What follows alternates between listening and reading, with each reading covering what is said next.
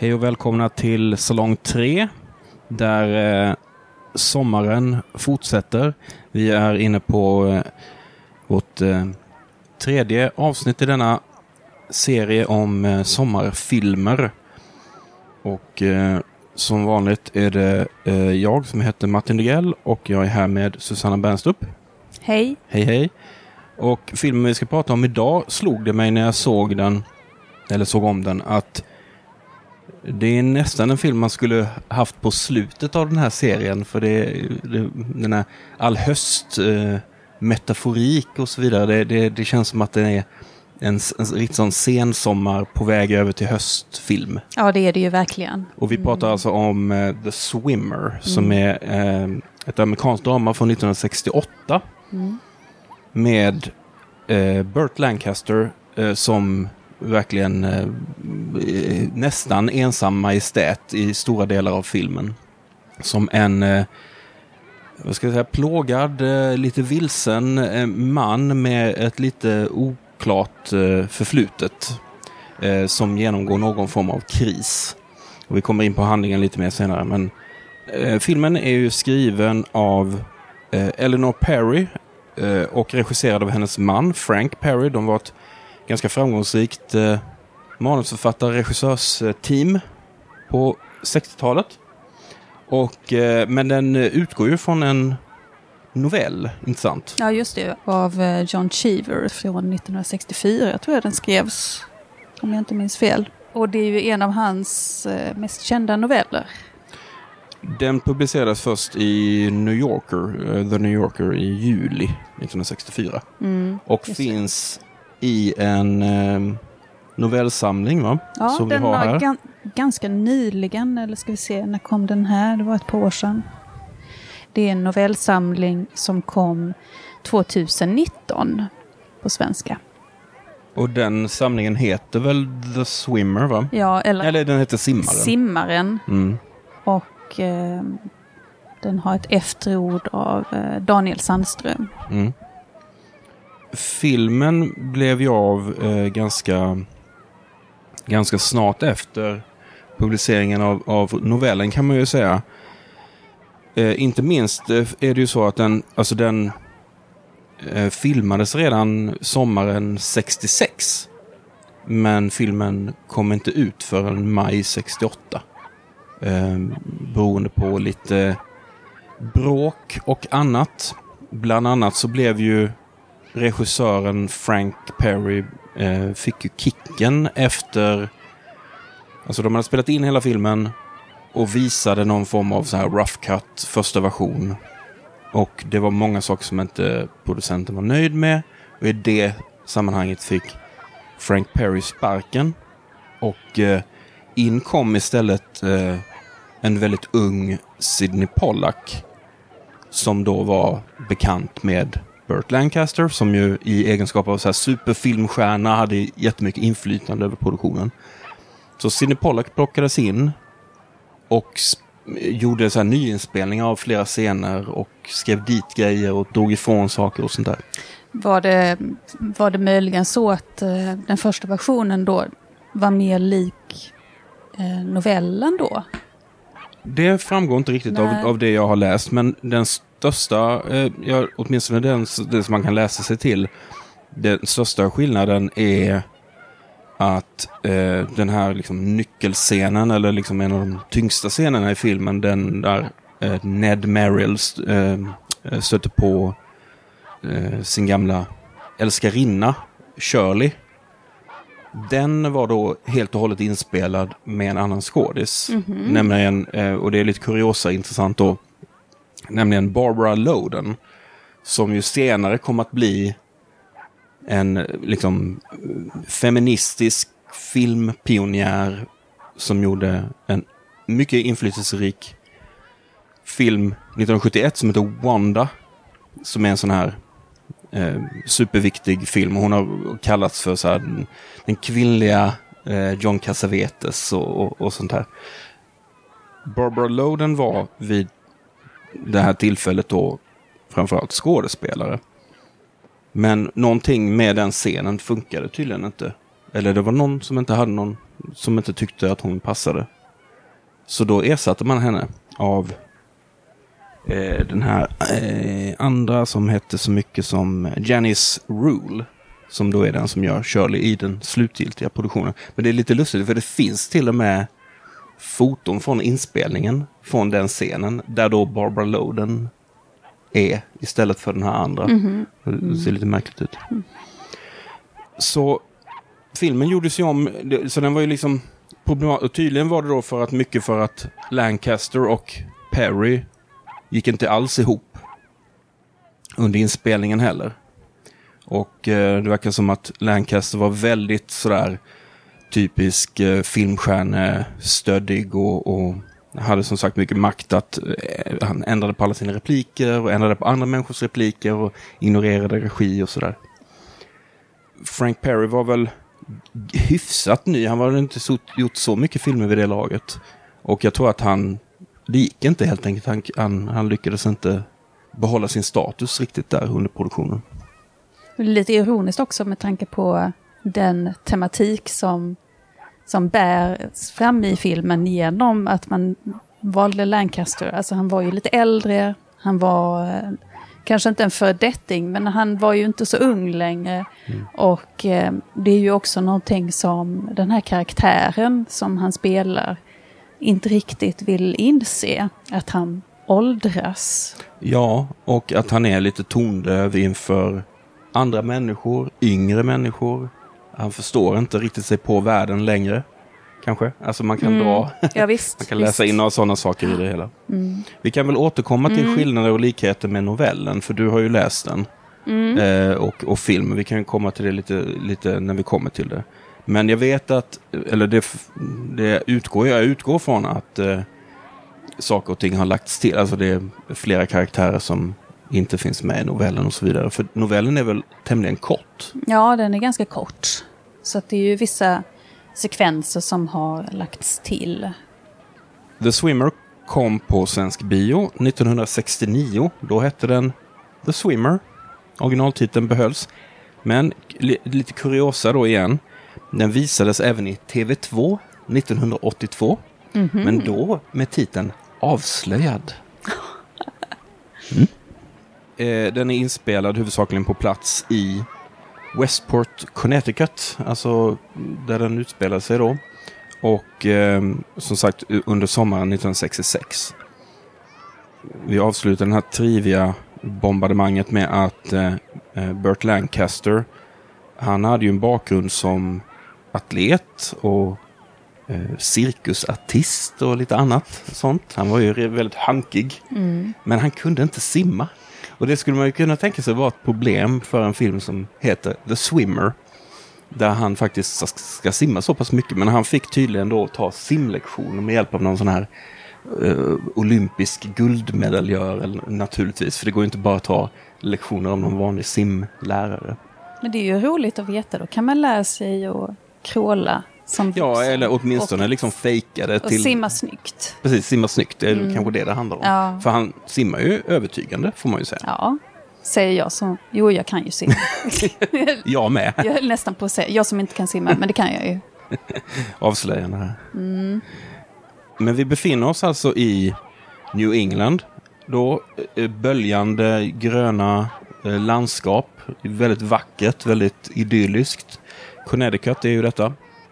Eh, som ju då ligger lite norr om New York. Eh, det brukar väl ses som en sån här, inte riktigt eh, förort till New York för det är ju lite långt. Men, men det är väl typ så här efter Upstate. Man åker, eh, man, man jobbar i New York och sen tar man tåget antingen Upstate eller till Connecticut. För det är där man har sina flådiga villor. Det första vi ser är ju faktiskt eh, höstlöv. Och Ja, att det- det, det, är ja. liksom, det, det är sommar men det är på väg in i höst. Ja, och det är väldigt mycket så här naturbilder som man får se. Man får se lite olika djur och eh, lite landskap och sådär. Som då blir en kontrast till de här eh, bostadsområdena då som eh, resten av filmen utspelar sig i. Mm, ja, precis. Och ehm, som du säger, vi ser något rådjur och någon uggla tror jag. Och, Ja, och kanin. Lite, en kanin. Och de tittar liksom lite förvånat upp för det är någonting som stör ordningen lite. Det, det prasslar liksom i löven. Och, och vad är detta då? Eller vem är detta? Jo, det är ju då Burt Lancaster som liksom kommer gående genom skogen som som en uppenbarelse nästan. Det, är lite, det, alltså man, det här hör ju till filmens... Det är kanske för långt att säga att filmen är drömsk. Men det finns en kvalitet i filmen som gör något med... Alltså det- är någonting med filmens verklighet eller kanske hur han uppfattar verkligheten. Det, det smittar ju av sig på något sätt på hur filmen berättas. Just det här att han dyker då upp här till synes bara från ingenstans. Var har han varit? Han bara, plötsligt dyker han bara upp. Men är det inte så att eh, det som man får se i början med regnet och... ehm, för då rö- rör han väl sig genom något slags oväder. Och det är ju det oväder som man får se på slutet. Ja, det är det nog. Det, är, det hoppar lite. Men, Ja, men för att- ändå så är det ju Mm. så att vi inte vet Nej, varför nej. eller varför han dyker upp som han gör. Mm, Varifrån han dyker upp mm, och liksom vad, vad han har för plan. För hans plan, den han får sen, mm. den är ju inte satt i verket än. Nej, Utan plötsligt så dyker han helt enkelt upp ur växtligheten och liksom skuttar fram till en tomt med en jättefin pool på baksidan. Det sitter ett eh, par som eh, är lite bakis. De är bekanta, vänner till honom. mm, Eh, han hoppar genast i poolen Mm. och simmar ett par längder. mm. Och sen möts han av ett drinkglas. Ehm, Och alla pratar om att de är så bakis. Precis, de har haft någon eh, stor baluns eh, Mm. kvällen innan. Jag kan bara säga det, en- alltså i inledningen här så det är ju en skillnad i, som de har gjort för filmen. Ehm, därför att i novellen så, så börjar den med att han redan är i det här huset där festen har varit. Okej. Och ehm, hans fru är också bland gästerna där. Intressant, för frun Ja. är ju en figur som aldrig dyker upp. Hon Nej. omtalas ju mycket i filmen. Ja, precis. Men hon dyker aldrig upp. Mm. Lucinda. Mm. Ja, men Mm. alla är ju bakis. Så att Alla är bakis. Mm. Eh, han säger, ska ni inte bada lite också? Och de bara, nej, nej, nej, vi orkar inte det. Verkar vara ganska avslappnade typer. Redan här ser vi ju då att det här är ju liksom, det är ju rikt folk. Mm. Det är ju riktigt pampiga hus och eh, luxuösa tomter och det är tjänstefolk och det är liksom, ja, det är pengar. Mm. Redan här så märker man ju då att det är någonting som är lite off med Ned Merrill som Burt Lancasters figur heter. Hans kompisar frågar ju honom sådär, ja men vad, vad har du hållit hus? Mm. Som om han har varit borta. Som om han har varit borta Mm. på något sätt. Och eh, eh, Ned svarar ju väldigt undvikande på alla de här frågorna. Det gör han ju genom hela filmen. Han liksom säger oh, here and there, here and there. han, han låtsas inte om att för honom är det, det är väldigt viktigt att den här ytan, Mm. det perfekta. Mm. Så här, nej, inget fel, inget Mm. fel. Ja, var Allt är här. Och så, och så undviker han lite Ja. snyggt och så går han vidare till något nästa. Mm. Tittar bort mot något annat och så. Mm. Och Don och Helen som de heter då, de, eh, de verkar ju förstå liksom att det är någonting som är lite fel. Man märker ju också att de, när han Don då säger till synes väldigt eh, ärligt eh, hur härligt det är att se Ned igen. Alltså man får intrycket att han har varit borta ett tag, eller någonting har hänt som gör att de är så här, wow, åh vad kul, och du ser så, du ser så frisk ut och du ser så hälsosam ut och Ehm, Men det ja. är ju som att det är någonting som har hänt som man inte pratar om. Ja. Mm. Som Och- alla, alla känner till men ingen vågar Mm, benämna det och Neddy mm. vill inte ens um, erkänna det för Nej, han låtsas inte om. Han är någon sorts förträngning. Det kan man ju Mm. diskutera vad det är för typ av psykologiska mekanismer som, som gör sig gällande här. Han är ju en, en charmerande man. Han har det här bländande leendet. Han är solbränd och Han är stark. atletisk. Och, Men mm. han är ändå så pass gammal ändå. Alltså, Lancaster var då 52 när den här filmen gjordes. Man ser ju att han är inte den unga mannen längre. Det har vi glömt att säga kanske att redan här i inledningen så är han alltså redan klädd i eh, ett par korta badbyxor. Och det är i princip det han har på sig hela filmen. Mm.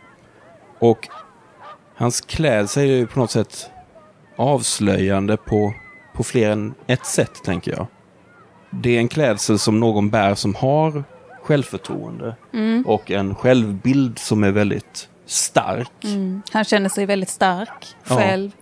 Ehm, och ehm, muskulös, Mm. snabb, smidig. Mm. Ehm, Men det är ju samtidigt en, en väldigt blottande mm. eh, klädsel. Jo, han har, han har ingenstans att gömma sig. Nej. Han är väldigt utlämnad.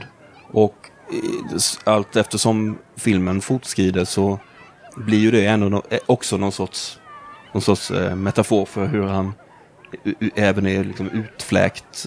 Alltså hela hans själsliga liv och, och vad, vad han har varit med om och hans förflutna vet ju många om. Alla Alltså, vet om det. ja. Mm. Så att han är ju blottad på fler än ett sätt. Mm.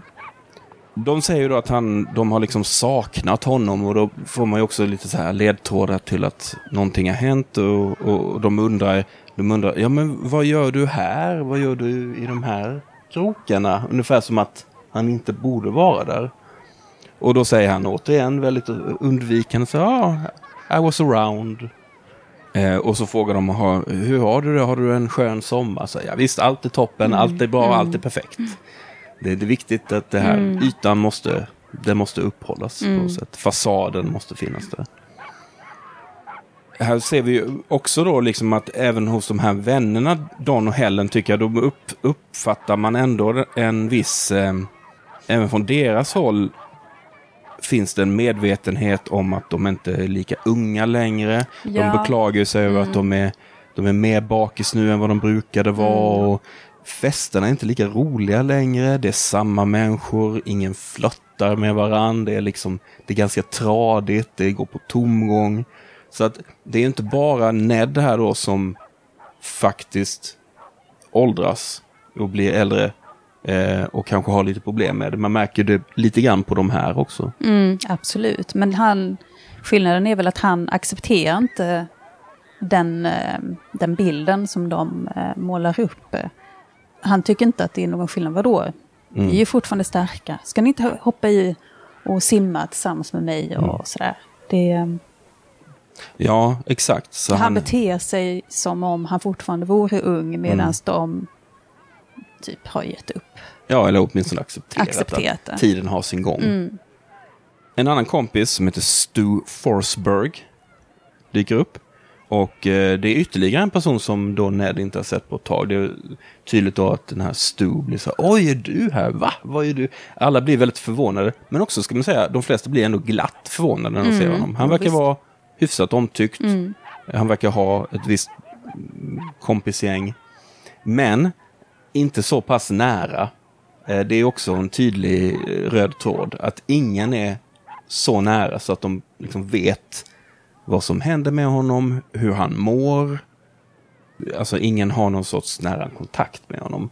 Det är ytliga cocktailparties och det är liksom den här väldigt, eh, vad ska jag säga, någon sorts borgerlig, väldigt grund Mycket. bekantskap. Ja, visst. Där det mycket visst. handlar om materiella ting Ja, och, och ja. eh, en viss eh, social klass som man ska vara i. Och. Mm. Och där kommer ju hela det här ehm, kritiken in mot det här borgerliga medelklasslivet och så som eh, kanske inte, ja men som man ju ändå får intrycket av att filmen eh, vill lyfta fram. Att det, är, att det är ett ytligt liv och att eh, ja, det är mest ytan som är av betydelse. Nu har du läst lite mer av Cheever än vad jag har. Det är ju etablerat här i den här podden att jag är knappt läskunnig. Men du läser ju en del. Ja. Och du har ju läst en del av Cheever nu. Ja, lite är, det, är det någonting Mm. som...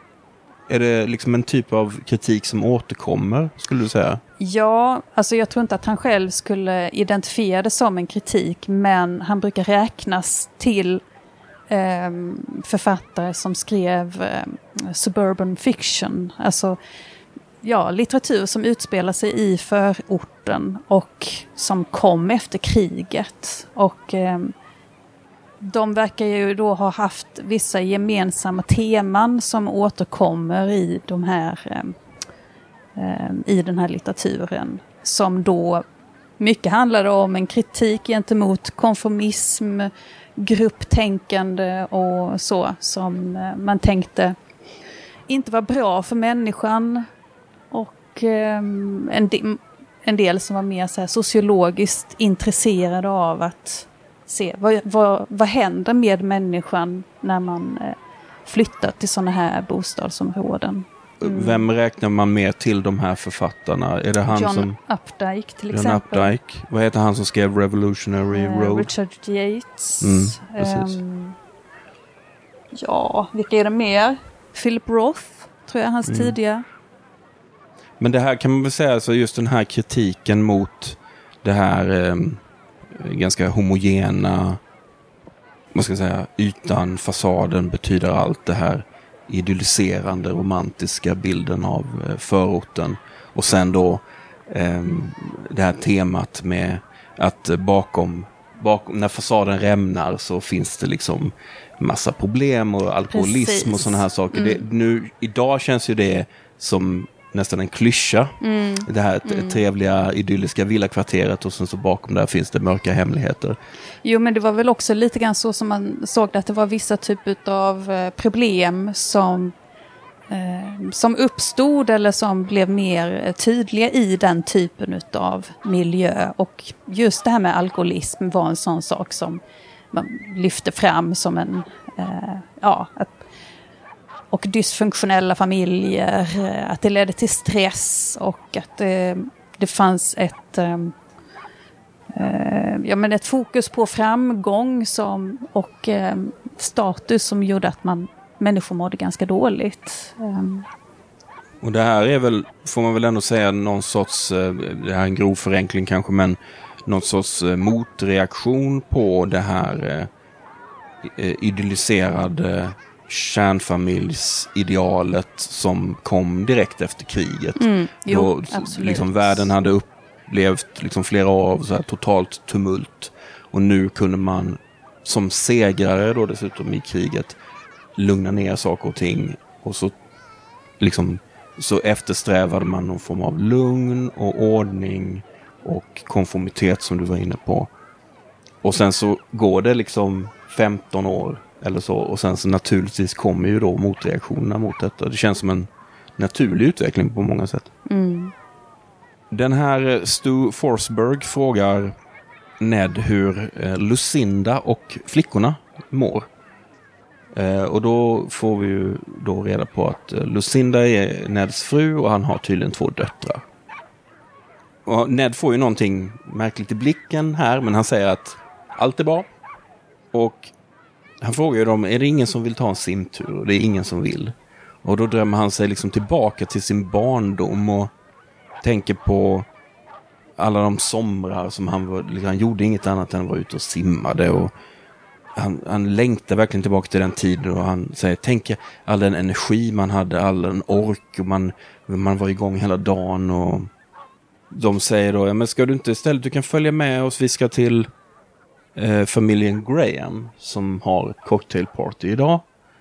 Eh, du kan väl följa med, de har en pool, de har en ny pool som de precis har installerat.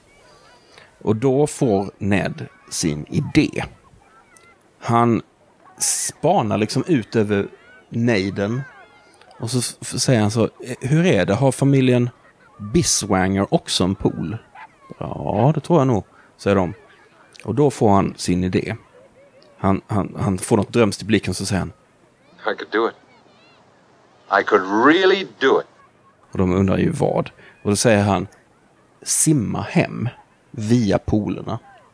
Alltså gå mellan varje tomt. Så, ta en, simma en längd i en pool. Hoppa upp, gå vidare till nästa tomt. Och det finns något, jag gillar den här idén, jag tycker den är väldigt rolig. Eh, bara som en, som en grej. Men det är också väldigt roligt att han tittar ut över de här enorma vidderna. Och utifrån det han ser så kan han säga att Ja, men vi har ju typ bara kanske åt, sju, åtta tomter på hela det här området fram till hem till honom själv då, är det meningen. Och det säger också någonting om var vi- befinner oss, alltså vilken typ av, återigen, vilken klass, vilka pengar som finns här. Dels att alla har pool, dels då att folk har sådana enorma tomter, så hela de här vidderna består ändå bara av sådär 8-10 tomter. Eller något sånt. Jag tyckte det var intressant. Mm. Men det blir ju också ett sätt för honom att... Eh, det är som att han vill återta naturen till de här bostadsområdena. Att eh, inte låtsas om att, att det här är ja, men ett, ett sånt här sån här förortsstad, utan att det här är faktiskt ute i naturen. Han säger också att tomterna, de, de, de formar en flod. Det blir en flod, bildar en flod hela vägen hem till mitt hus. Som han döper till Lucinda Ja. efter sin fru. This is the day that Ned Merrill swims across the county. Och så hoppar han i med ett sånt riktigt magplask. Det tycker jag var rätt roligt. Varje gång han hoppar i så gör han ju inte sån här jättefint dyk, utan det är ett riktigt nej. plask. Men det är ju roligt. Ja, men då är, det är ju säkert för att han egentligen inte kunde simma. Och han kommer hem då till eh, familjen Graham och ger eh, eh, fru Graham en vänlig eh, dask på stjärten Mm, jättetrevligt. när hon står och Ja. håller på och fixar i rabatten. Iklädd den typiska trädgårdsoutfiten eh, långärmad eh, sidenblus. I väldigt fin så här knallblå, Ja. nästan så här kleinblått. Mycket tjusigt. Ja, det är men- en hel liten dress. men, men inte särskilt eh, praktiskt för om man ska vara, gräva i jord. Hon blir ju hur som helst väldigt glad över att stöta på honom. Och som alla andra så är hon så här, oj, men va? Och var kom du ifrån? Och, och så här. Ja, och hon pratar ju om eh, poolen, den är ju nyinstallerad. Och drar en massa tekniska termer om filter och hur den re- allt vattnet är så rent och, och så vidare. Och eh, även de har ju, även hon har ju en så här välfylld serveringsvagn med massa drinkgrejer och drinktillbehör och så. Mm, så där får han ju genast en drink också. Precis. Det är väldigt mycket alkohol här. Mycket alkohol. Mycket så här daydrinking. Mm. Och eh, dessa serveringsvagnar. Vi vill ju ha en serveringsvagn. Vi, det kan eh, lyssnarna få veta här. Vi letar efter en serveringsvagn. Och eh, man blir extra sugen efter att ha sett den här filmen. För det är ju det är en parad av vagnar. Och de är alltid alldeles välfyllda med, så här, med apelsiner och citroner och allt Ja. möjligt. Mm. Men Mrs Graham tar ju upp då att eh, hon säger då, ja Ned, jag vet att du aldrig riktigt trott på, på min man att han skulle lyckas. Och, och titta på oss nu. Ned, du har ju länge varit väldigt eh, elak och nedlåtande mot min man. Och, och hon menar ju att det var för att Ned var svartsjuk på Mr Graham. För att han har alltid varit lite förtjust i Mrs Graham. Eh, eller han, ja Ned säger det att det, det var därför han, han betedde sig som han gjorde. Hon vet inte riktigt hur hon ska ta emot det. Nej. Men skrattar väl bort det. Och sen så kommer hennes man då på en liten motorgräsklippare. Ja. Eh, och återigen, supermycket om det materiella. De pratar jätte, han, man skryter om sina prylar, man skryter om poolen. Man säger att ja, det här är ju ingenting, men om ett år kommer vi dessutom ha en liten badhytt här. Och, alltså det, inget projekt är någonsin klart. Det finns alltid mer att skryta om. Och det, man kan aldrig vara nöjd. Det, det är väldigt mycket den, det intrycket man får av det här. Det är ganska deprimerande. ja, det är det. Mm. Och Ned tar ju också en liten kort eh, eh, koll på gräsklipparen och, och, och sätter genast den här Mr Graham på plats och bara, ja du kan, eh, om du ändrar lite här så låter den inte så mycket. Och så. Han alfar sig. Jag föreställer mig att han var, att han kanske var lite, eh, lite dåraktig och att han skulle ta sönder gräsklipparen och tro att han lagade den. Det är bara för att vi såg det här Seinfeld-avsnittet häromdagen. Ja, med han den precis. med galna gubben Ja. som skulle laga Georges bil Ja. och så visade det sig att han var galen. Men Det finns ju något här med, med Ned, hur han, han... Han har ju något galet i blicken. Det här när han drömmer sig bort. Han pratar lyriskt om Neapel och Istanbul. Han pratar om världsomsegling. Alltså, och man vet inte riktigt hur världsfrånvänt det här är. Eller Nej, är det bara alltså så det, att enda han... man, det enda man får ledtrådar om att det kanske är världsfrånvänt, det är ju hur människorna runt omkring honom tittar på varandra bakom hans rygg. Och ger varandra blickar och så här, man märker att de reagerar på saker. Till exempel eh, eh, när han pratar om sin familj och om sina flickor och, och sådär så eh, är det som att ja, men det är någonting som är konstigt där. Eh, men de säger inte det rakt ut, det är ungefär som att ja, men vi låter honom hållas, han får ha den här bilden av verkligheten. Om det nu är så att det är så han ser på den. Ja, och sen så ligger det väl också någonting i det här, eh, det här liksom borgerliga, waspiga, eh, i att eh, aldrig riktigt säga rakt ut vad man tycker. Nej, utan absolut. det, vis, det viktiga är uppförandet och etiketten och man vill inte ställa till en scen. Det är det, är det absolut värsta man kan göra. Ställa till en scen. Nej men precis, Eh, han börjar prata om att eh, han vill att hans döttrar ska gifta sig i, i deras hus och sådana här saker. Så att jag kommer nog aldrig sälja det huset och sånt. Och det är ju typ ett sånt tillfälle då paret Graham då tittar på varandra och liksom utbyter blickar och bara hallå. Men de säger ingenting. Och det är lite frustrerande att det inte är någon, jag förstår att det ligger liksom på något sätt i historiens natur, men det just att ingen någonsin säger ja, fram mot slutet. Men egentligen så är det liksom ingen som någonsin talar klarspråk med honom. Nej, Eller alltså, konfronterar honom och säger så, men vad menar du? Du är ju vad han nu är. Skild, lämnad, galen. Alltså, Jag tycker att det blev lite för, lite för många sådana där blickar. För det är som att man verkligen, man vill, det blir ju lite grann som att, jag tänker att det är för att man som tittare då ska förstå att Hallå, kolla här, han kanske har en eh, verklighetsuppfattning som inte riktigt överensstämmer med vår. Ni, ni fattar det nu va? Så, ja, jo, vi förstår det. Så att det, det, är- det är väldigt många sådana där eh, blickar. Ehm, och det blir lite övertydligt.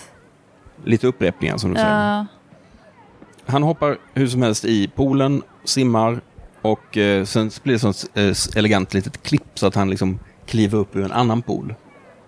Och då är han hemma hos eh, Mrs Hammer som eh, står och ser väldigt sur ut och säger Vem gav dig tillstånd att simma här? mm, Det är första gången som han stöter på någon som inte vill ha honom där. mm, Ja men det är ju jag, eh, Ned Merrill. Jag är ju vän till din son, säger han. Och...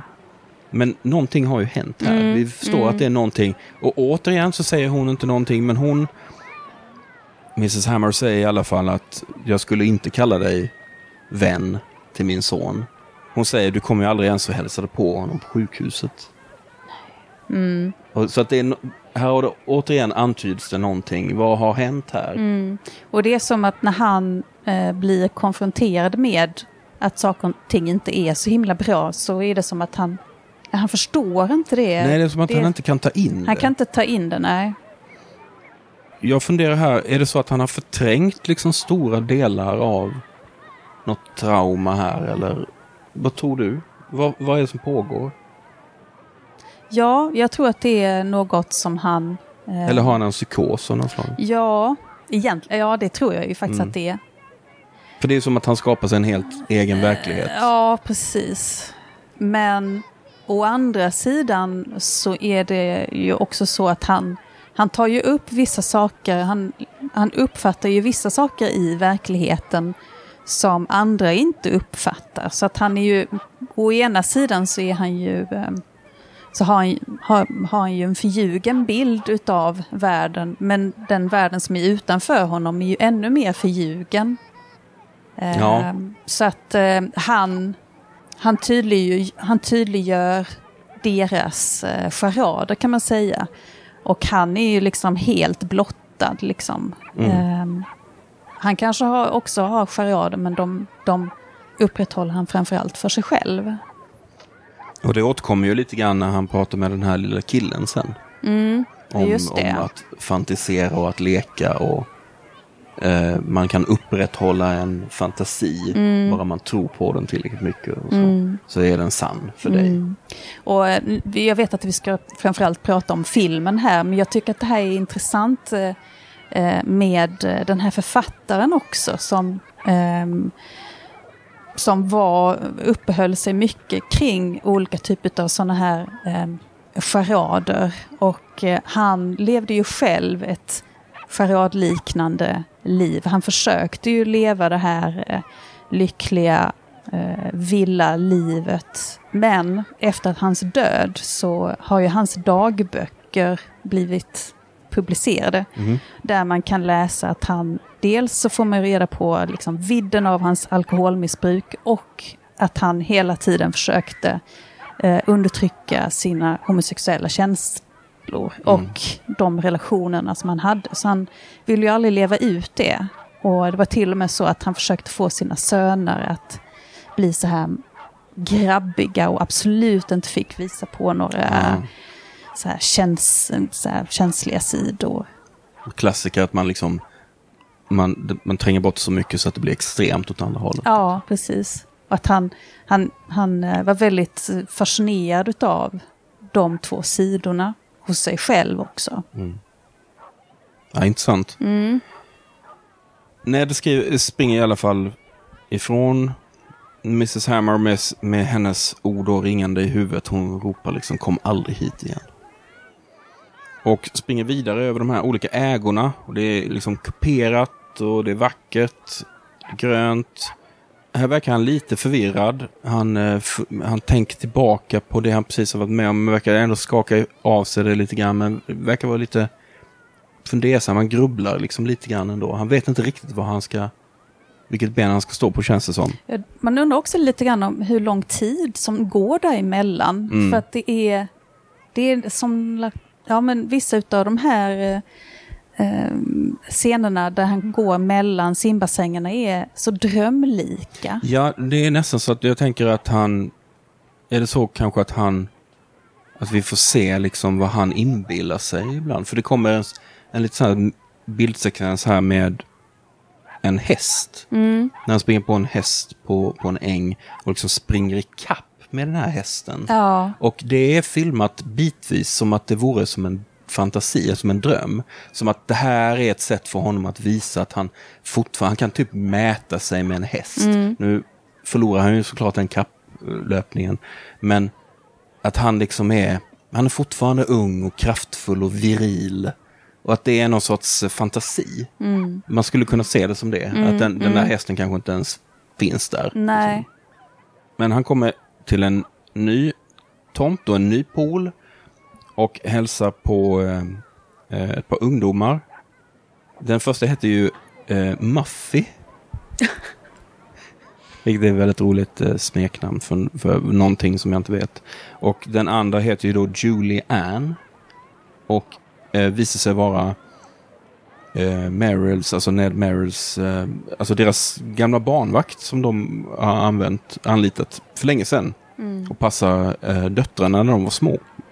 Och han förstår ju inte att det är hon därför att hon har ju blivit så mycket äldre. Hon är 20 nu och, hon, och man kan väl gissa att hon var barnvakt hos dem när hon var kanske 12-13 eller så. Kan man tänka sig. Och han är så här, åh vad har hänt? Och titta på dig och sådär. Ja, han säger ju också så här, du, du skulle kunna komma hem till oss och passa flickorna igen. Varför har du inte varit här på länge? Ja, och hon skrattar lite så här, ha ha ha, roligt skämt. Vet inte riktigt vad han menar. Och det känns det som lite varningsklockor när han säger så. Eh, att de andra tittar på varandra så här, okej. Och sen så säger han ju senare att nej men jag bara, det var bara ett skämt. Någonstans är han medveten om att det blir fel.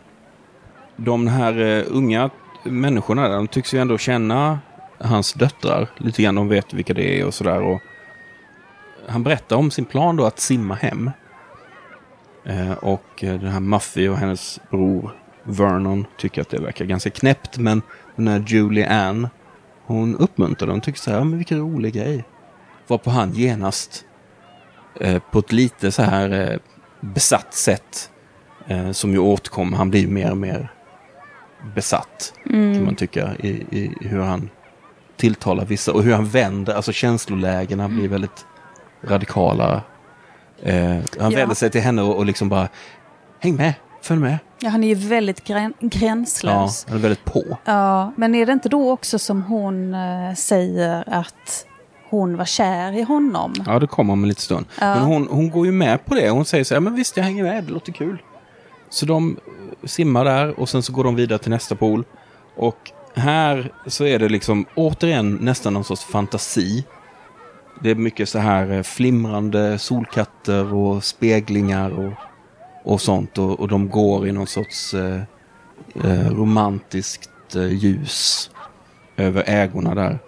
Och det är solrosor och det är en äng. Och, eh, och då berättar ju hon, kanske lite för detaljerat kan jag tycka, om hur hon var superkär i honom när hon var när hon var barnvakt då, när hon var ett barn själv. Och, och liksom, eller max 13-14 så. Och eh, att det gick så långt att hon liksom eh, stal en skjorta från hans garderob som hon så hade på sig när hon var hemma och kände hans doft och sådana här saker. Det låter helt knäppt. Ja, och framförallt låter det ju... Det är lite så här too much information. Eh, Och han, eh, han verkar ju smickrad men också överrumplad av detta. Men det planterar ju någonting hos honom. Eh, Som hon kanske får ångra sen. Eh, vad, vad tyckte du om, om, om den sekvensen? Liksom? Vad, vad, tyckte du att hon... Jag tyckte liksom att hon gick över gränsen lite grann. Jag ser det lite grann som en fantasi. Att det är hans fantasi av det. Ja, hon kanske var kär i honom, men, men just det här att med de här detaljerna och så, tänker jag att det är någonting som han har kommit på. Tror du det? Ja, Jag ser det samtidigt som att hon är fortfarande typ som ett barn. Och det är här det skär sig lite grann sen när de senare får en konfrontation då. Det är att han tolkar hennes berättelse som någon sorts nästan kärleksdeklaration. Och då vill han på något sätt ta det på allvar. Medan hon upplever det som att hon berättar ju, återberättar ju något barndomsminne nästan. Som är lite sådär, det är lite pinsamt men det är också lite fint och lite sött och gulligt. Men det finns i hennes berättelse finns, så finns det ju inte en vuxen människas längtan efter kärlek. Eller Nej, intimitet med en ändå- vuxen man. Ja. Utan det är ju, ett, det är ju ett, en liksom 13-åring Mm. som har någon sorts romantisk fantasi. Men det är ju ändå en 20-åring som berättar det här för henne och Men tycker du inte hon gör det på ett sätt som är lite sådär, nu ska jag berätta en rolig grej? Ja, ehm, både och. För att eh, hon nappar ju ändå på den här idén om att eh, de ska simma hem och Alltså på något sätt så är det som att hon så här låter sig dras med och jag tror inte att det är helt... Det är inte bara naivitet. Jag tror inte bara Nej. det är naivitet utan jag tror att det hon, finns en hon, ska, spänning hon ska också. ändå föreställa 20. Ja, precis. Mm.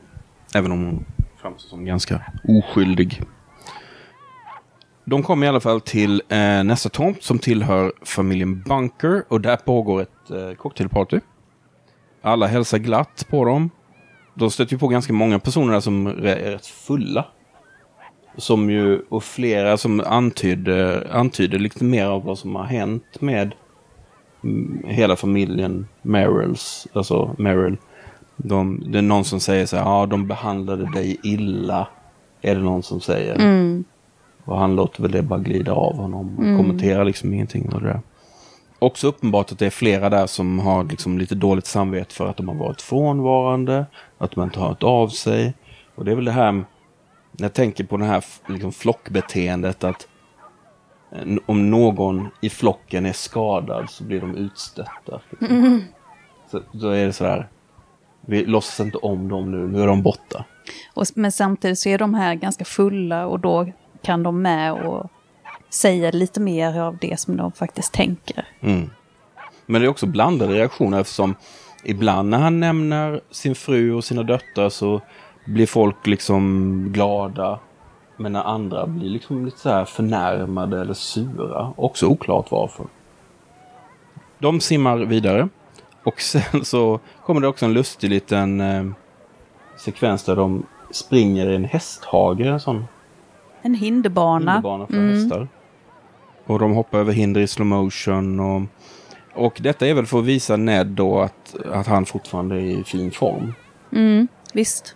Hon applåderar honom när han så här, tar sig över hinder och så. Man, men man ser att han inte är ung längre. Eh, Och kontrasten med, mot henne är ju väldigt tydlig. Och det är liksom den här, det är en slow motion estetik som känns som att det är, att man tittar på någon friidrottssändning eller något sånt där. Eh, väldigt tydligt fokus på kroppen. Det överhuvudtaget är ju Burt Lancasters kropp är ju som en egen karaktär i den här filmen nästan. Eh, och det slutar med att Ned landar lite olyckligt och ska, skadar sin fot. Nu blir han ju stukad för första gången, men inte den sista. De går i skogen, pratar om jobb och erfarenheter av att eh, vara i New York. Och eh, Julie... Återigen så här kontrasten mellan stad och, stad och land, fast här är inte land, men Mm. landsbygd. Men ja, Och Julianne berättar ju om lite olika sexuella trakasserier hon har råkat ut för. Hon berättar på ett ganska lättsamt sätt. För det här var ju, det är så här Mad Men-tiden, lite grann. Och då börjar han prata ganska creepy sådär om hur han, jag ska ta hand om dig. Jag ska se till att eh, allt blir bra. Jag ska eh, ta dig på lunch varje dag. Jag kan hämta dig vid ditt kontor varje dag Ja. och äta lunch. ja. Och jag kan åka tåg med dig. Vi kan ta samma tåg till stan varje dag. Och hon är så här, Eh, kanske, kanske inte. ser ganska besvärad ut. Ja. Hon säger ju så här, ja men jag, alltså jag har ju pojkvän och han är Mm. rätt svartsjuk av sig. Och, och så berättar hon väldigt Ja. roligt hur hon har träffat, hur har hon träffat Ja. sin pojkvän? Med, med en dator. Nätdating. Ja, nätdating. Hon har fyllt i ett formulär och blivit matchad med någon. Och sen så den första som hon blev matchad med, den, eh, den blev hon ihop med. Ja. Det är nog första referensen till vad vi ska kalla en primitiv typ av nätdating vi har sett på film. Och då berättade Ned lite grann om hur han träffar sin fru och lite sånt där. Och det blir ju lite plågsamt när han drömmer sig tillbaka. Han, han... Återigen så tänker han på sin ungdom och sin skönhet, sina minnen. Och eh, det blir ju en extra kontrast då när han då samtidigt ser den här Julianne leva i nuet och vara ung och ha hela framtiden framför sig. Och så. Men hon, samtidigt så är hon ju också den enda som, som har hängt med honom eller som har sagt ja till några av hans förslag. Hon är av alla som han har pratat med som, har, som han har frågat, ja men ska du inte hoppa i poolen tillsammans med mig så är det ju ingen som gör det. Men hon gör det. Som, och det är väl just hon för att hon är ett, honom Hon också. lyssnar på Mm. honom och sådär. Jag vet inte om eh, det är någonting som kommer, kommer in på i, i dina eh, efterforskningar av eh, John Cheever. Men jag tänker att först kom novellen år 64, filmen kom 68. Och parallellerna till ett USA där eh, någon sorts eh, äldre generation försöker desperat hålla tag i sin eh, makt och sin virilitet. Samtidigt som deras barn eh, protesterar mot Vietnamkriget. De eh, vägrar klippa sina hår. De vägrar ställa upp på sin föräldragenerations rigida bestämmelser. De lyssnar på rockmusik. De eh, gör uppror. På något sätt så känns det som att den här filmen och det som Ned Merrill representerar är någon sorts han är den här äldre generationen som på något ganska patetiskt sätt försöker bevisa sin ungdomlighet fortfarande. Att han är relevant fortfarande. Mm, ja. Ja, Jag vet inte. Jag har läst för lite för att kunna säga att jag har stött på den tematiken. Men ehm, Men det är ganska lätt koppling, alltså Mm. det är tacksam koppling att göra om man vill prata om någon sorts eh, samhällsmetafor eller sådär. mm, Tycker jag. det är ju någonting med, eh, men det är ju någonting med hans eh, åldrande. Som han, som han, han genomgår åldrande genom historien kan man ju säga. Men det ser man ju inte så mycket av i filmen. När man ser det så tillvida att ju längre filmen går desto mer stukad blir Ja, han. precis. Nu haltar han ju efter den här lilla snedsteget då vid hästhagen. Mm, mm, Och han, eh, han blir mer, mer och mer ihopsjunken. Mm. I början av filmen ser vi hur han skuttar fram över de här små klipporna och stenarna. mm. Nu gör han inte det. Nej. Nu börjar han liksom halta som sagt. Han börjar, Mm, hans hållning börjar påverkas. mm, Hans fötter eh, gör ont. Men jag tänker också, efter, vi pratade om det här tidigare, att om han eventuellt är inne i en psykos eller någonting. Att det här med tidsuppfattning och alltså en sorts temporal. Alltså tidsuppfattningen så här, vad hände idag, vad hände igår, vad hände för tio år sedan? mm, det Att verkar ju ha blivit helt, helt uppluckrat. för Ja. honom. Visst. Och det är därför han pratar om det här med att men mina döttrar är där hemma och, Ja. och de är fortfarande små, små flickor men det är uppenbart att det är de inte antagligen. Nej. Och det är ju också som att eh, tiden går ehm, att, eh, i filmen också därför att hösten breder ju ut sig mer och mer. Mm. Det är väl ungefär där någonstans också som han, han tittar på blommor och så, så säger han, men de här blommorna, det är ju lite för... Ska de verkligen blomma nu? De- brukar ju blomma först senare under säsongen. Och då är det som att Ja, det är just de här solrosorna som Ja, precis ja. passerar. Och då är det som att eh, det har inte bara tagit en halvtimme eller en liten stund att gå från den ena poolen till den andra. Utan han kanske har varit där ute och irrat Mm. Länge. Ja, det är en intressant tanke. Mm. Att han rör sig över liksom en hel säsong nästan. Mm. Mm. Ehm, och det är också här han försöker med, på ett väldigt patetiskt sätt att förföra henne. Mm. Den här Julian. Och hon reagerar ju med avsmak och Mm. springer därifrån. Mm. Och sen ser vi inte mer av henne. Nej. Hela filmen är ju det är som en serie möten med folk som vi varken ser förr eller senare. Mm. De, han stöter på folk och så går han vidare. Och nu så ser vi ju då att han, nu är han ensam. Han är lite stukad, han haltar. Som sagt, höstlöven liksom är mer tydligare på träden nu än tidigare. Och kommer fram till eh, nästa tomt och, som tillhör familjen Halloran. Och ehm, eh, precis utanför deras eh, grind, eller vad man ska säga, så kommer det en bil som körs av deras chaufför. För det är som sagt ett sånt ställe.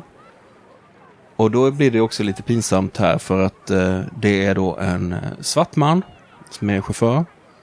Och eh, det visar sig vara en ny chaufför som inte har träffat Ned tidigare. Men Ned tror genast att det är deras gamla chaufför som då också var en svart man.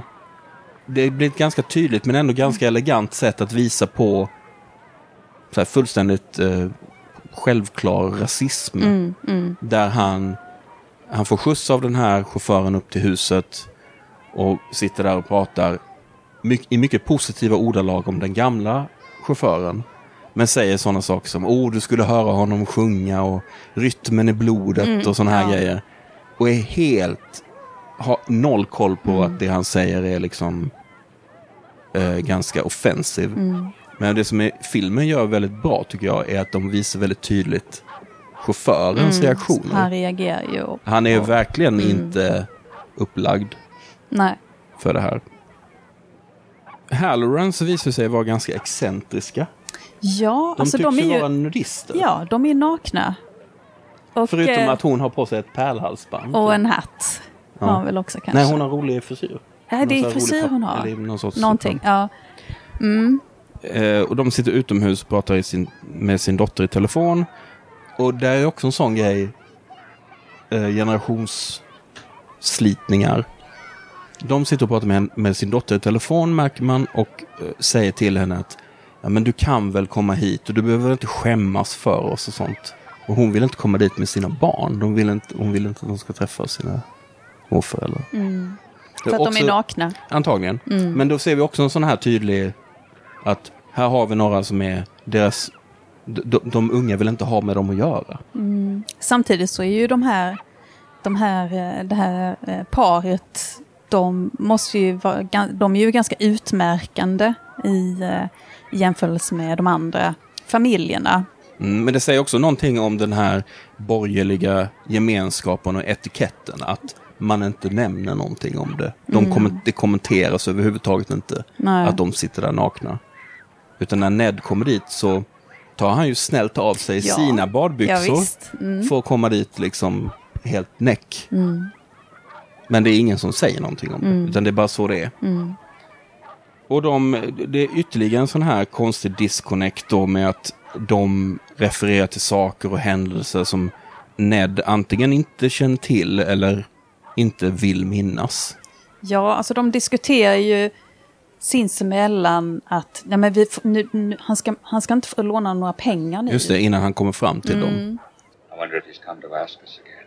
He'll get the same answer. No, dear. It seems a little mean. He's not going to get a penny. Couldn't we help him out just a little? For old time's sake, after all, he's a friend. Friends are not deductible.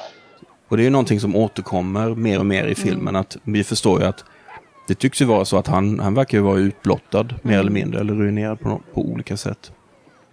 De har samtidigt den här, liksom, de är så väluppfostrade och sådär. Så att de, och, och, ja, så att de eh, ställer inga eh, jobbiga frågor. Utan det är så här glatt och ytligt. Och sen så tar han och hoppar i poolen och simmar en längd och sen så drar han vidare. Och då kommer han till ett litet eh, saftförsäljningsstånd. Ja, Där det sitter en liten kille spela flöjt. och spelar flöjt Ja. och säljer saft. Ja. Och eh, han tillhör då familjen Gil Martin som har då nästa hus, nästa tomt. Och eh, Ned eh, lyckas eh, köpa ett eh, glas saft på kredit. Av den här lilla killen. Och den här killen är ju ännu inte helt tränad i den här ädla konsten att eh, hålla saker hemliga och så. Så han berättar ju ganska raskt om att hans föräldrar är inte hemma. Hans eh, mamma är nyligen omgift och är i Europa på sin smekmånad nummer två. Och eh, hans pappa är kär i en manikyrist. Och det är sånt som han inte berättar. Eh, sådär. Utan han har, och det är också talande på något sätt att den här lilla pojken då som kan vara åtta. Han är då lämnad själv i huset. Ensam med en hushållska då förvisso, men ändå. Men han följer ändå med Ned. Och Ned frågar om han kan få simma i deras pool. Ja, visst. Och så går de dit och så visar det sig till Neds stora besvikelse att poolen är tömd. För eh, den lilla killen kan inte simma. Och då tömde de poolen. Så att inte han skulle trilla i eller någonting. Ned ser ju förkrossad ut av det här. Hans plan går upp i, i rök kan man säga. Men jag tycker han är ändå fin mot den här killen. Den här lilla killen som jag tror var Kevin eller något sånt där heter han. Det Kanske. minns jag faktiskt Nej. inte. Han har ju dåligt självförtroende. Han säger så här, ja jag kan ju inte simma och eh, berättar att han det, i skolan så får han inte vara med och leka och sånt här. Och eh, så säger han, ja, men, men hoppa i här i poolen så, så kan vi simma tillsammans. Och sen så låtsas de att de simmar. Och det är ju en ganska fin scen kan jag tycka. Jag tror att han gör det mycket för sin egen skull också. Självklart, självklart är det så.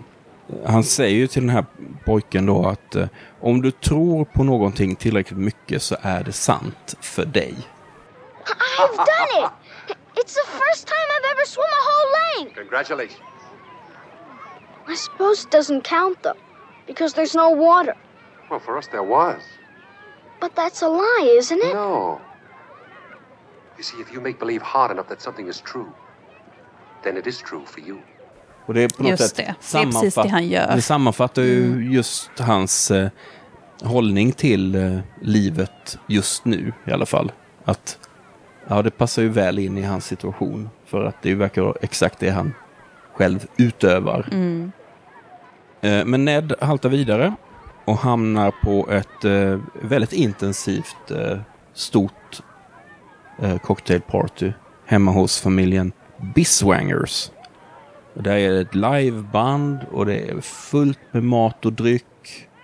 Det är kaviar och champagne och folk verkligen så här groffar i sig så här, så här skopor med kaviar. Mm, Det är sådant frosseri. Ja, sånt riktigt frosseri, sånt överdåd. Mm. Eh, Så här, herr Biswanger står liksom och skryter om... Det är återigen det här materiella skrytbygget, liksom berättar om hur stort allting är och vad allting har kostat. och Det är massvis med serveringspersonal, statyer, trädgården. Ned eh, har ju nu börjat, så här, man ser på honom att han, han går omkring och fryser lite grann. Han har börjat frysa. Det har blivit kallare. Han pratar med en överförfriskad societetsdam där. Som för övrigt spelas av eh, komedilegenden Joan Rivers. I sin första filmroll tydligen. Han börjar ju bli grandios där också. Ja, ja. Han, först är han lite nedlåtande mot henne och sen så lägger han i liksom en annan växel. Och stöter på henne på ett väldigt intensivt, men på ett så här märkligt gravallvarligt sätt. Han är så här, följ med mig, be my love. Alltså på ett väldigt eh, långt ifrån eh, charmant sätt. Och hon, hon förstår liksom inte riktigt vad som händer. Hon blir väldigt obekväm. Men sen blir hon så här, bortplockad av någon kavaljer där som, som ser väl att hon befinner sig i en... Ja, men de står väl vid sidan om och tittar så här. Ja, tittar. vad händer Oj, där? vad är det som händer? Men titta vem hon pratar med. Ja, precis. Och räddar, räddar henne. För han är väl inte välkommen där? Nej, precis. Han, han stöter ju på värdinnan och hon är så här, inte, verkligen så kall mot honom. Men han simmar i alla fall en längd i den här poolen. Det lustiga är att alla stannar upp och glor på honom när han gör det. Liksom, precis som att allting stannar av. Och sen när han kommer upp alltså, så- ser han att det går en i personalen går med en serveringsvagn. En sån Korvvagn en är det va? korvvagn. Ja. Och han blir, han blir liksom alldeles eh, upprörd för han säger det där är faktiskt min vagn och vad gör du med den? Och, och först tänker man att ja, nu, är han, nu har han tappat det helt. Det här är, att han ser fram, han hallucinerar att det här är någon annan vagn. Men nej, det är faktiskt hans gamla vagn. Men då säger ju då Biswangers då, som verkar vara lite så här nyrika typer. Eh, så säger de att nej men eh, den där köpte vi på en loppis. Typ som en, eh, alltså de pratar om eh, White Elephant Sale. Det är tydligen, ett begrepp- jag har inte hört det innan. Nej, det är tydligen ett begrepp som, som finns i USA som är alltså typ som en loppis. Eh, ofta så här, kanske så här exekutiv auktion, alltså Mm. den typen av, ofta så här något, kanske ett ställe som säljer av, eller något bohagen och sådär. Så de har helt enkelt köpt den och han, han blir ju helt förvirrad av detta. Så varför, skulle, varför har min fru sålt det här? Liksom?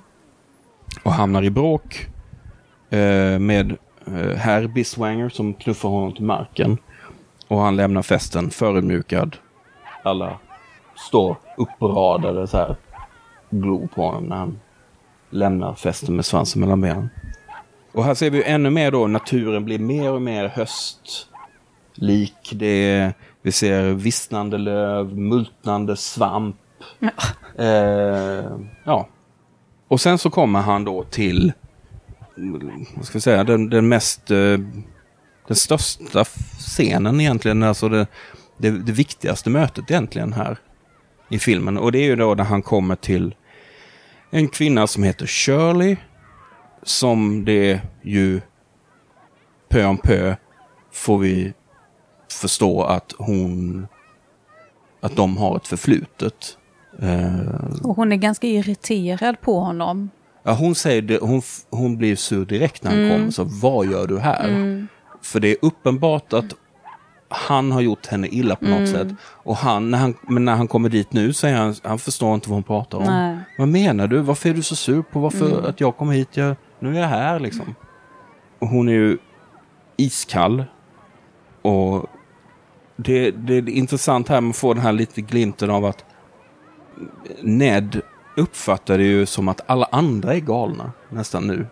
Så, men varför beter sig folk så märkligt mot mig?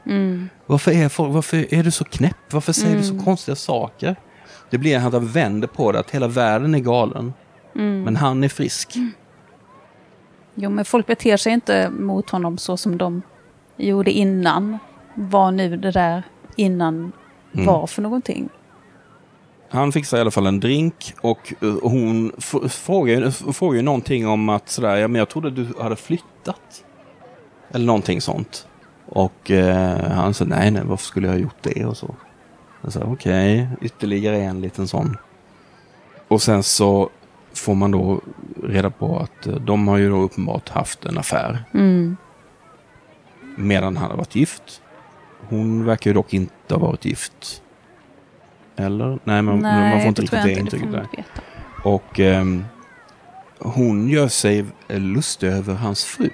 Märkte du det? Att hon, Mm. Det var inte bara hon, va? men framförallt Shirley som pratade så här nedlåtande om hans fru. Just det. Ja. Och beskriver henne som... Eh, alltså hon gör sig lustig över att hon är eh, över att Lucinda då, hans fru, är engagerad i så här kvinnorörelser och sånt. Märkte du det? Mm. Vid något tillfälle så kallar hon... Hon säger något nedlåtande om att hon är utbildad vid eh, Vassar College. Som ju är ett, eh, ett universitet i USA med väldigt tydlig, eh, eller i alla fall historiskt väldigt tydlig kvinnorörelse, alltså feministiskt och, och sådär.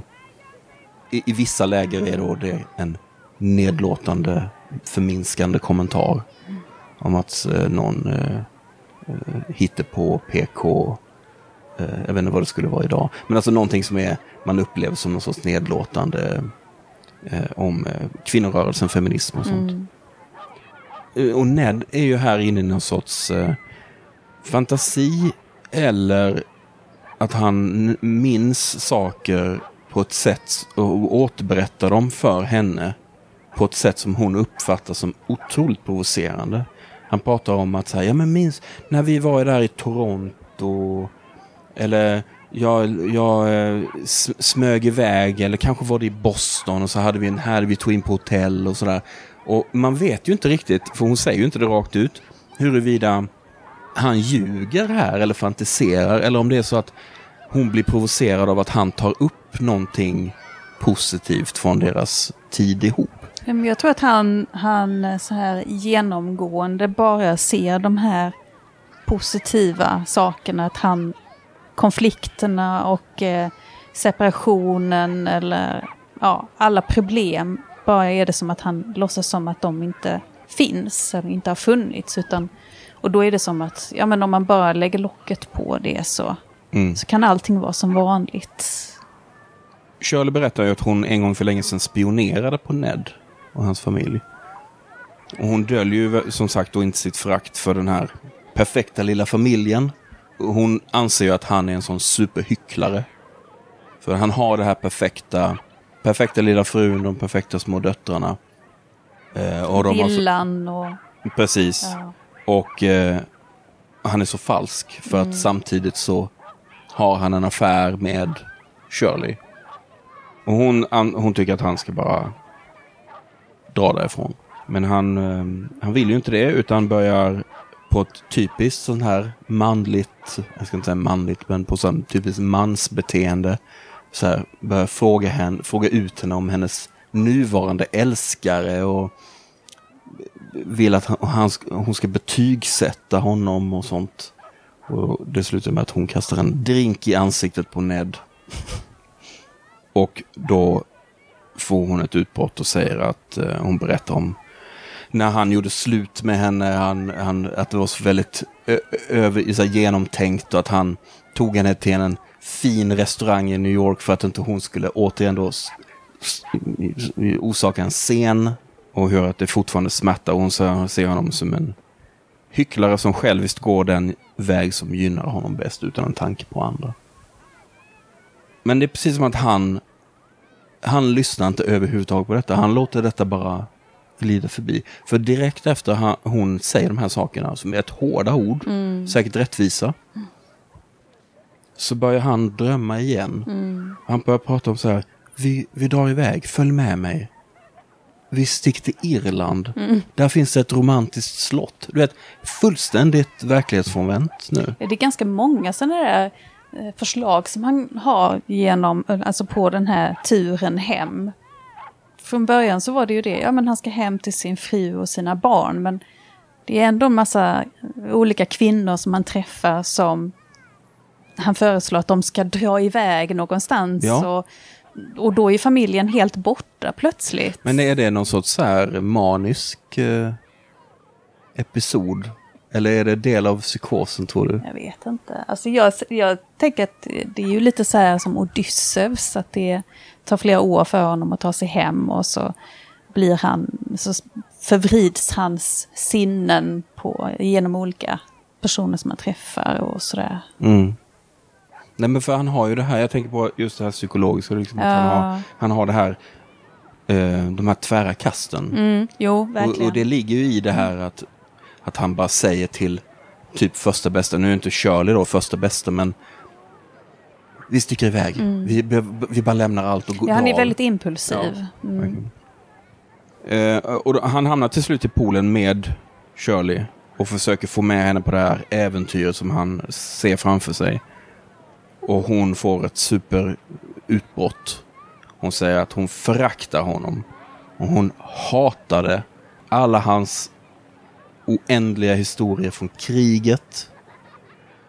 Allt hans skryt, hans skryt om golfresultat, hans berättelser om gamla flickvänner, hans familj. Hon blev så uttråkad av hans tradebeteende. Och det blev väldigt levande gjort där tycker jag för att man, man får verkligen den här känslan av att han ville ha henne som någon sorts vid sidan av. Men allt handlade bara om honom. Och han har den dåliga smaken eller dåliga takten att när han är med henne så pratar han ändå om sin familj. Om sina döttrar och sin fru och, och sen så den här generationen då som har slagits i andra världskriget och är väldigt uppfyllda av det där. Att liksom the greatest generation som har vunnit för hela världens räkning. Och sen så kommer då Shirley med den här, ja, typ dina krigshistorier och du kan inte sluta prata om det. Alltså det, jag tycker det är, det är väldigt, det är en subtil liten replik och det är en ganska ovanlig typ av kritik mot den generationen. Alltså just det här, kan du sluta prata om dina jävla andra världskrigshistorier? Jag tycker det är väldigt uppfriskande på något sätt. Jo, men man kan ju också tänka sig att ja, men det var nog ganska många som blev, eh, kvinnor som blev uttråkade på den typen av historier. Ja men du vet, du tänker dig själv, de kommer tillbaka då och är kungarna liksom. Men, Men man ska ju inte, man ska ju inte kritisera, nej. alltså man får inte kritisera den typen av Nej. erfarenheter. han, hon går sin väg och han står liksom kvar i poolen och liksom uppmuntrar som ett mantra sådär. You loved it. You loved it. We both loved it. You loved it! Och sen så tar han, simmar ett par längder, pliktskyldigt. Men då, det är som att han nästan inte orkar. Ja, han måste ta stegen upp Ja. ur poolen för första gången. Det är precis som att nu har orken bara pyst ut ur honom. Och det här, det här Shirley, alltså hela den scenen, det, det är ju som en liten enaktare nästan i sig själv. Den är ganska lång. Ja, Och det verkar vara den som, mycket då som Sidney Pollack eh, arbetade om. okej. just Sidney. Pollack har ju liksom ingen credit alls i före eller eftertexterna. Men, mm. men Ned framstår ju nu som en gammal, ensam, frusen man.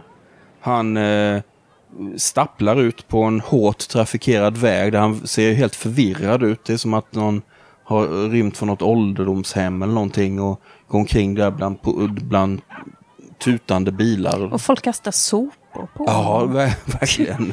Ja, förnedringen är ju total. Ja. Och, men han lyckas ta sig över vägen hur som helst. och kommer till en, eh, en allmän pool. Alltså en eh, öppen pool för allmänheten. Och eh, här är ju ironin då att den, den öppna poolen, den allmänna poolen där alla är välkomna är den som han har svårast att komma in i. Alla de här exklusiva poolerna, där, där är han välkommen. Men här kostade 50 cent att komma in och han har inga pengar.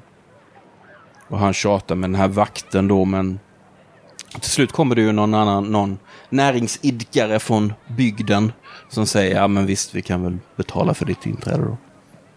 Och han, Det är väl någon som han känner sedan tidigare. Jo men det, ja, precis, det är någon eh, leverantör av någonting. Alltså jag tänker mig att han har någon, jo men han har någon, någon diner eller någon eh, café eller någonting sånt va.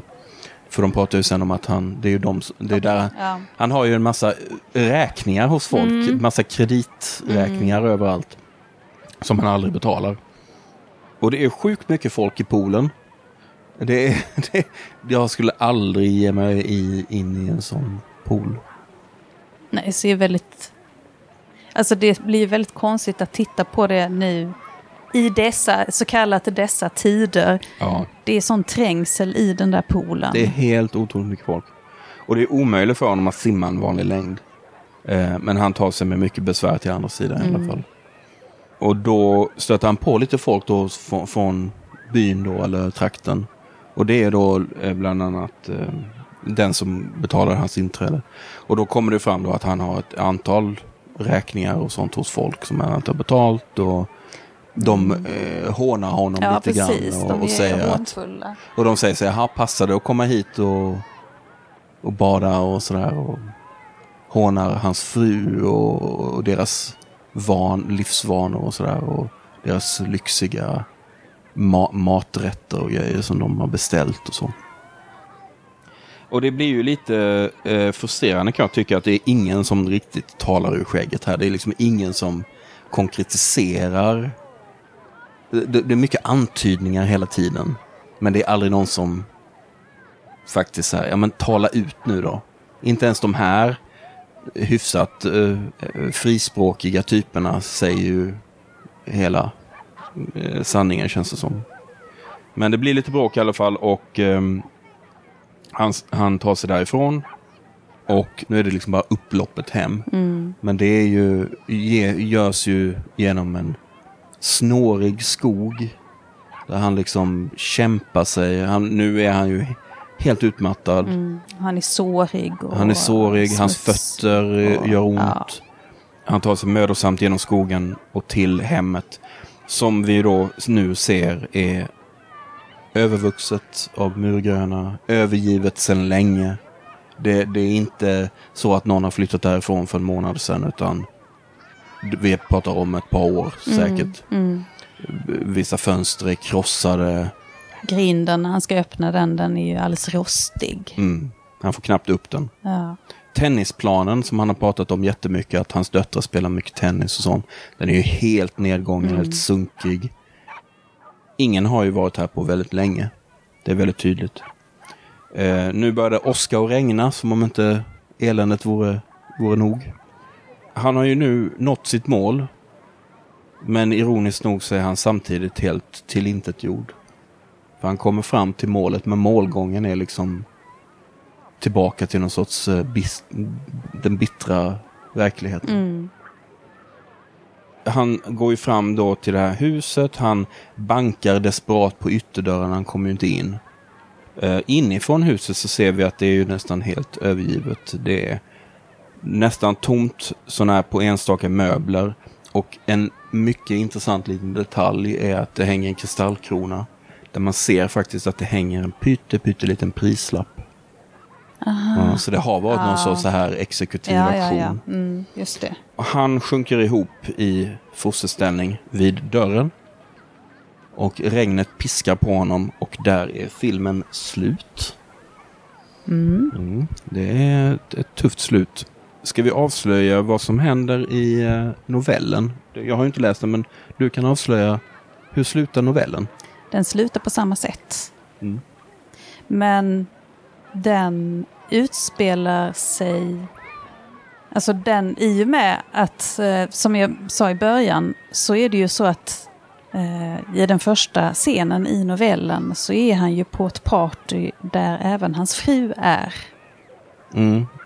Och sen så bestämmer han sig för att han ska simma hem. Och när han kommer hem så ser man att huset är övergivet. Och det betyder alltså att från att novellen börjar tills att den tar slut så har det ju gått flera år. Ja, ah, det är jätteintressant. Det är en jättestor skillnad och Mm. Ja. det får man ju inte alls fram i här, tycker Nej. inte jag. Och det märker han också, eller han märker ju inte att tiden har gått. Men den här eh, turen från eh, turen hem tär ju på honom och han blir äldre. Så att han blir magrare, så att badbyxorna börjar sitta löst till slut. Det är ju faktiskt en dimension som, jag ska inte säga går helt förlorad, för det finns ju det där som vi pratade om med sommar in mot höst. Man ser att det förändras. Men det är ju inte alls den effekten. Nej. Nej, alltså det gör, ju, det gör det ju mycket mer skruvat också. Mm. Ehm, det är ju vissa, det är som att det är vissa teman som är förstärkta i filmen.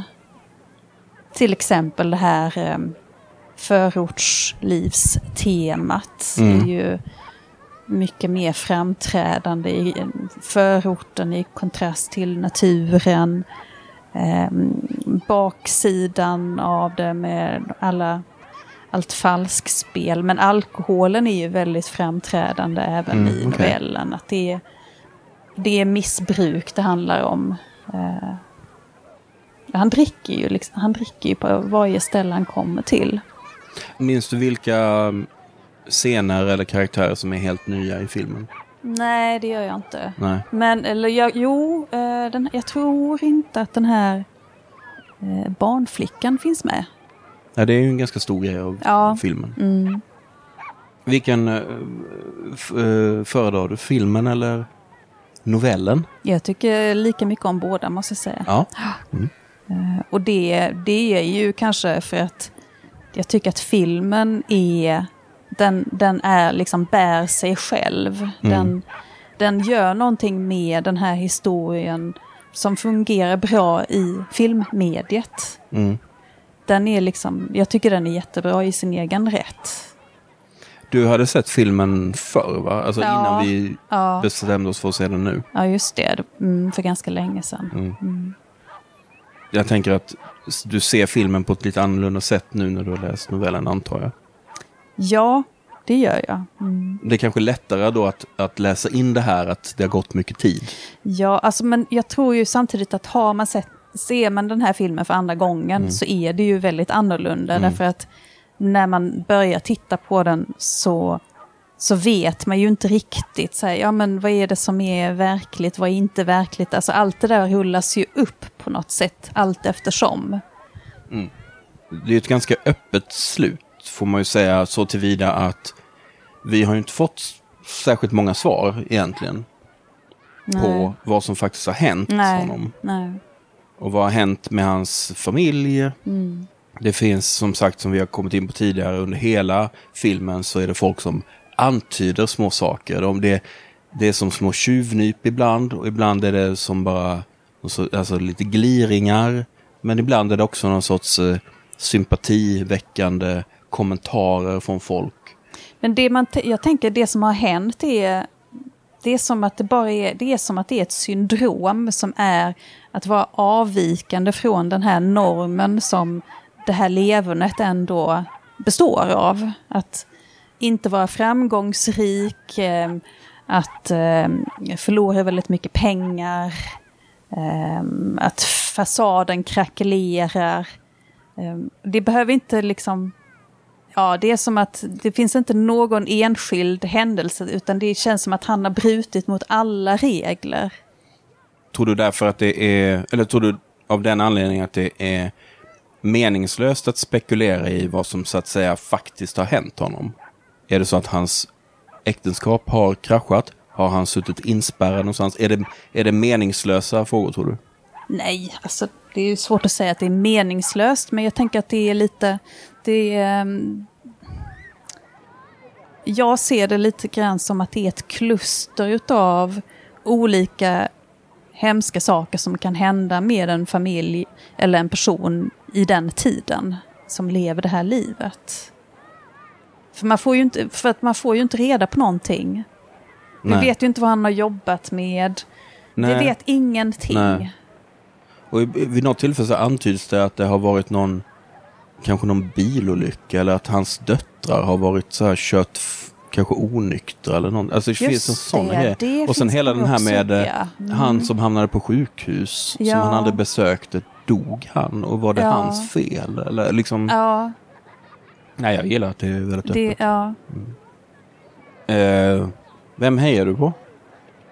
ja, jag hejar på honom. Du hejar på honom? Ja, jag gör det. Ja. Ja. Eh, Eller kanske den lilla pojken som spelar flöjt. ja, hejar du på honom? Ja, Ja. Jag hejar nog på den här barnvakten, Julianne. Mm. Eller kanske hans fru Lucinda. Får man någon, något grepp om henne i novellen? Eller är det bara så att hon är där, men får man någon form av personlighet på henne? nej, alltså, jag kommer inte riktigt ihåg. Nej, nej, det tycker jag nog inte.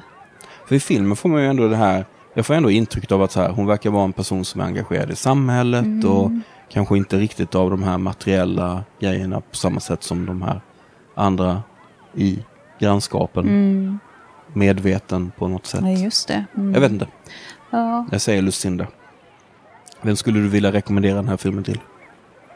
Ehm, Jag kan säga, då säger jag så här, ni som... Eh, om man gillar Mad Men och, och Ja, liksom den typ, faktiskt. Det känns som att den är ganska... Det finns inspirationer där. oh ja. Mm. Eller överhuvudtaget hela den här John Cheever-världen är väl, har, är väl, har väl inspirerat Mad. Men. Mm.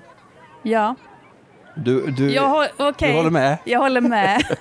det är så knäppt, för varje gång så kommer ju den här frågan. Mm. Och jag, blir, jag glömmer alltid bort att fundera på den tidigare. Mm. Jag ska säga något om hur den togs emot också. Den blev ju, det var ju ingen uh, kassasuccé direkt. Publiken uteblev. Kritikerna var väl med vissa undantag ganska svala också. Men allt med åren så har den ju fått en allt högre status. Jag såg den väl för första gången kanske för, ja, vad kan det vara? 15-20 år sedan kanske. Eh, och blev väldigt så perplex. Visste inte riktigt vad det var jag hade sett. Liksom. Men jag tyckte den var, den var så speciell också just att en sån stor stjärna som eh, Burt Lancaster var med och i en sån ganska udda film. Ja, jag tyckte det var skojigt. Väl värd att se. Var det kul att se om den? Ja, det tycker jag. Det var roligt. Jo, men jag, ehm, jag, jag, nu kommer jag på vilka jag kan rekommendera den Mm. till. De som är väldigt, in, väldigt förtjusta i typ The Ice Storm eller eh, så. Den typen utav Ja, ja. eh, medelklassdrama. 90-talet blev ju en ny sån här boom för den perfekta familjen. Fasaden som rämnade i förorten. Och sådär. Mm. Visst. Nästa gång så ska vi prata om Flickorna från Rochefort.